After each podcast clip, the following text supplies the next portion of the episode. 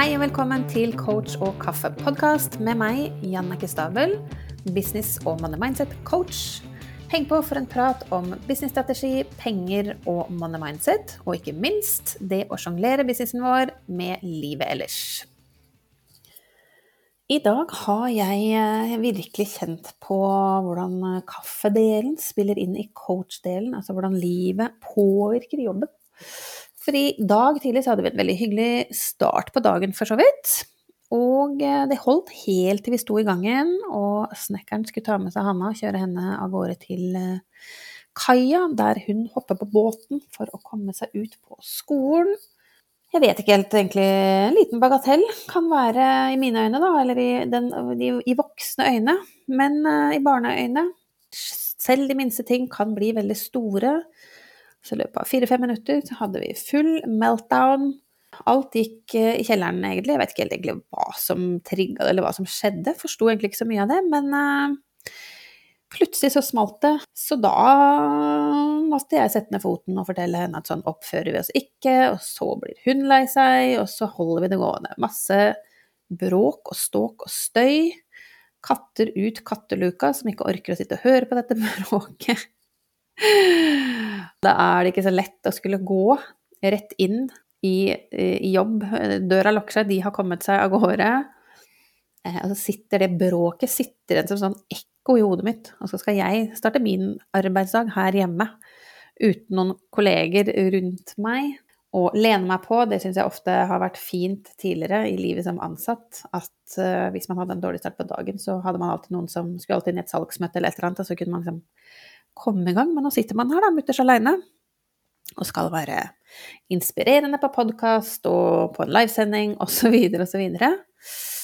Syns ikke det er alltid like enkelt, ja. Men, um, men ja. Jobben må gjøres, så min go to da er å ikke gå rett inn i jobb. For her er det et lite hack. Eh, jeg husker ikke helt hva det hormonet. Men kjærlighetshormonet, det som gjør at man føler seg veldig bra, det er ikke plass til det hormonet og stresshormoner. Masse kortisol i kroppen samtidig. Så det å kose med et dyr, det å f.eks. ofte, hvis jeg er stressa, så går jeg inn og så ser jeg på videoer av Hanna fra hun var liten, for da blir jeg så glad inni meg, at alt stress blir borte. Det å gå seg en tur, og det var det jeg gjorde, for det trives jeg med å gjøre uansett. Så jeg tok på meg skoa, gikk ut i 20 minutter og fikk liksom litt vind i håret. Og bare gikk og var veldig sånn til stede. Hørte på skvulping av båter nede i båthavna, lyden av sjøen generelt, måker. Eh, det er litt sånn yr i lufta, og bare tok det inn og fikk liksom ut stresset igjen. Sånn at jeg kunne fortsette med dagen. Så det er et lite hack der. Um, hvor jeg tidligere da har bare måkt på, jobba på, men å sitte og jobbe med masse stress i kroppen, altså sier seg selv It's no good. Men det er ok, det, ikke, det er ikke det som er tema for dagen. For tema for dagen er hvorfor setter du ikke opp prispunktet på tjenesten din? Ehm, hva er svaret på det? Hvis du er en coach, en veileder, en mentaltrener, personlig trener, kanskje en familieterapeut eller en eh, terapeut som hjelper noen i en eller annen retning, hjelper de med en transformasjon A til Å, hvor de Det er litt kompleks problemstilling. De sover dårlig, de vil ned i vekt, de vil ha en eller annen livsstilsendring, de har noen eh, utfordringer i relasjoner seg imellom i par, eller til barna sine eller familien på en eller annen måte, og vil få det bedre. Det er ingen grunn til at du ikke har en tjeneste i businessen din hvor du tar deg betalt fra si 20 000 kroner og oppover. Første spørsmål har du det, ja eller nei? Veldig enkelt, for det vet du jo. Og hvis du ikke har det, har tenkt på det en stund, men ikke kommet deg dit, hvorfor har du ikke satt det prispunktet opp enda? Så sant du ikke sitter i bilen, stopp meg gjerne nå og finn ut av har du et klart svar på det spørsmålet, først og fremst. Um, og det kan jo være mange grunner til det. Jeg kan komme på, og har sett og hørt fra andre jeg har jobba med, og noen ganger tenker jeg selv at um, La oss si at du tenker at ja, men jeg vet ikke helt om tjenesten min er verdt det. Og da kan jeg fortelle deg at med bakgrunn av det jeg akkurat snakket om, jo, du, har, du kan absolutt designe en tjeneste som er verdt et prispunkt 20 000 og oppover.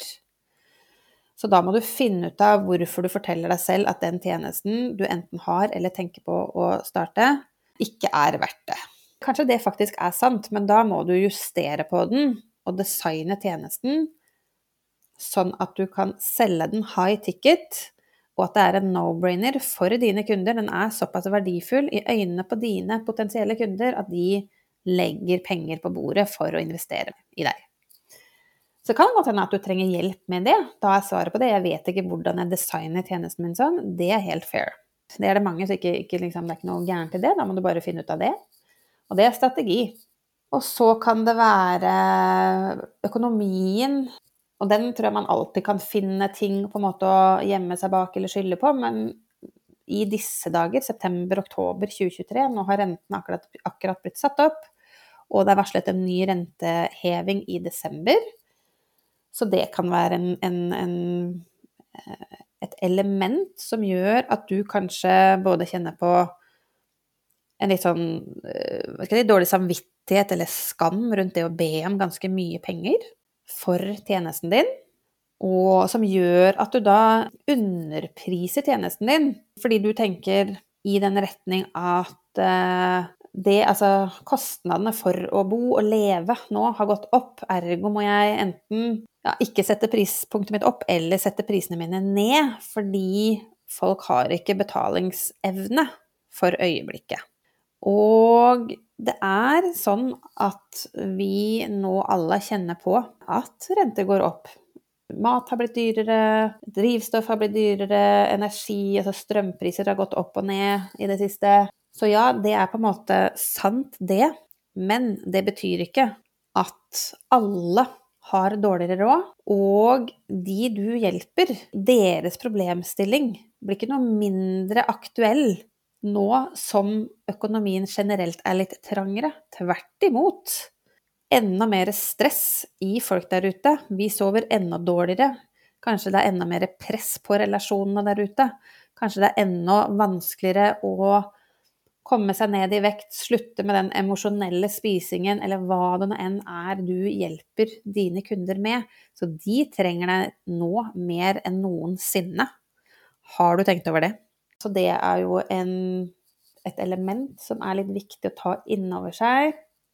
Du får også hjulpet kundene dine til å faktisk ta en beslutning, for det er ingen Altså, jeg har jo investert high ticket selv, og det gjør litt vondt i magen. Selv for meg som I forrige episode snakket jeg om pengepersonligheter, og jeg har jo rebellen på topp, så jeg hiver meg fort rundt beslutningsprosessen min når jeg først skjønner at dette er en coach som kan hjelpe meg til å få fortgang på det jeg trenger å lære meg, så at jeg fortere kan få return on investment, så jeg hiver meg ut i det. Det betyr ikke at jeg ikke har vondt i magen. Og jeg har flere ganger lånt penger for at jeg hadde ikke pengene. Maverick tar økonomisk risiko det er jo en slags risiko å låne pengene. Jeg er jo avhengig av å tjene de pengene inn igjen, så jeg kan betale tilbake pengene jeg har lånt. Men så er det sånn at jeg tar den investeringen, jeg gjør det, og da, når jeg legger såpass mye penger på bordet, så gjør man jo jobben. Så jeg tar den beslutningen at når jeg først går all in, så er det ikke sånn at ikke jeg møter opp eller ikke gjør jobben, så du får silt ut de kundene som kanskje trenger denne endringen, kanskje vil sove bedre, men av en eller annen grunn ikke er klar. Så hvis du setter prispunktet ditt ned, så får du kanskje med noen som, som har problemet, og som ønsker endringen, men som av en eller annen grunn ikke kanskje mentalt er til stede og faktisk kommer til å gjennomføre, og så brenner det ikke nok under beina på dem, fordi at de har ikke lagt nok penger på bordet til at de virkelig må gjøre denne jobben og da får ikke de resultatene, og du jobber ikke med kunder som får resultater, det er en tap-tap.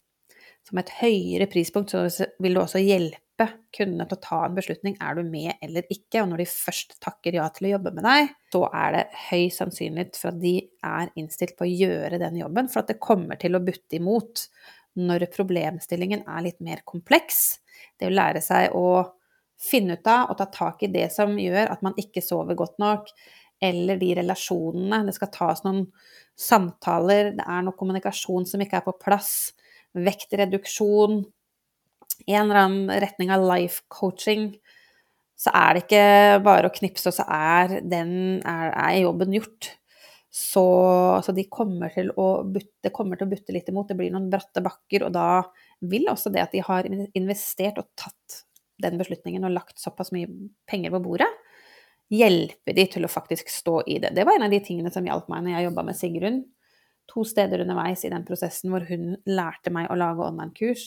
Der uh, var det to ganger hvor jeg mentalt gikk så i kjelleren og tenkte at nå er det helt stopp. Men jeg hadde lagt såpass mye penger på bordet og hadde lånt pengene, så jeg visste at jeg må bare finne ut av dette her. Så ja, et høyere prispunkt hjelper også kundene dine faktisk til å gjøre jobben og få det resultatet. Så kanskje er det noen av de grunnene jeg har nevnt for deg nå. Kanskje har du helt andre grunner, men er du med meg på at det med et høyere prispunkt vil være fint for deg i form av å bygge profitt i businessen din? Gir det mening? Så kan du bruke det som en motivasjon og tenke at ja, hvis du får mer penger inn, så får du mer spillerom i businessen din økonomisk til å dekke regninger, dekke kostnadene dine, og for så vidt også inn i resten av livet ditt, hvor mye lønn trenger du ta ut, som et utgangspunkt. Gir det mening for deg?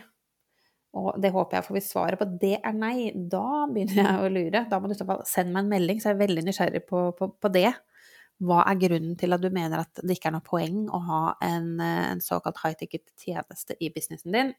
Det håper jeg virkelig at, du er, at det resonnerer. Men, men, ja, det, hva er det som holder deg selv tilbake? Det kan være mange Eh, du må gjerne kalle det begrunnelser. Jeg har litt lyst å utfordre deg på at det er unnskyldninger.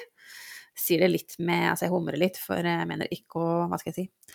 Sette eller stille noen til veggs her. Det er jo, ikke, det er, altså, det er jo velment.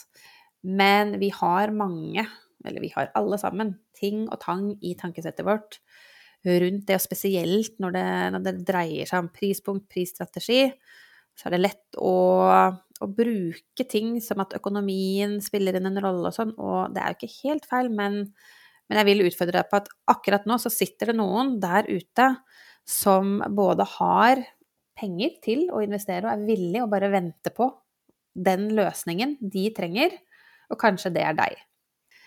Så igjen nå, etter at vi nå som vi begynner å nærme oss slutten på på denne episoden, har du et klart svar på det spørsmålet. Hvorfor har du ikke satt opp prispunktet på tjenesten din? Eller hvis du ikke har tenkt på det, hvorfor har du ikke en tjeneste som du selger high ticket? Har du ikke noe godt svar på det, så kan det hende at jeg kan hjelpe deg, og da kan du hoppe inn i shownotes og se om jeg er den rette til å hjelpe deg, så du kommer deg forbi og får på plass denne tjenesten og bygger god profitt i businessen din. Takk for at du hører på Coach og kaffe. Og hvis du liker det du hører, blir jeg supertakknemlig hvis du kan sette av et lite minutt til å gå inn nå og gi meg en god rating, så flere som deg kan dra nytte av denne podkasten. Og med det så gleder jeg meg til vi høres i neste episode.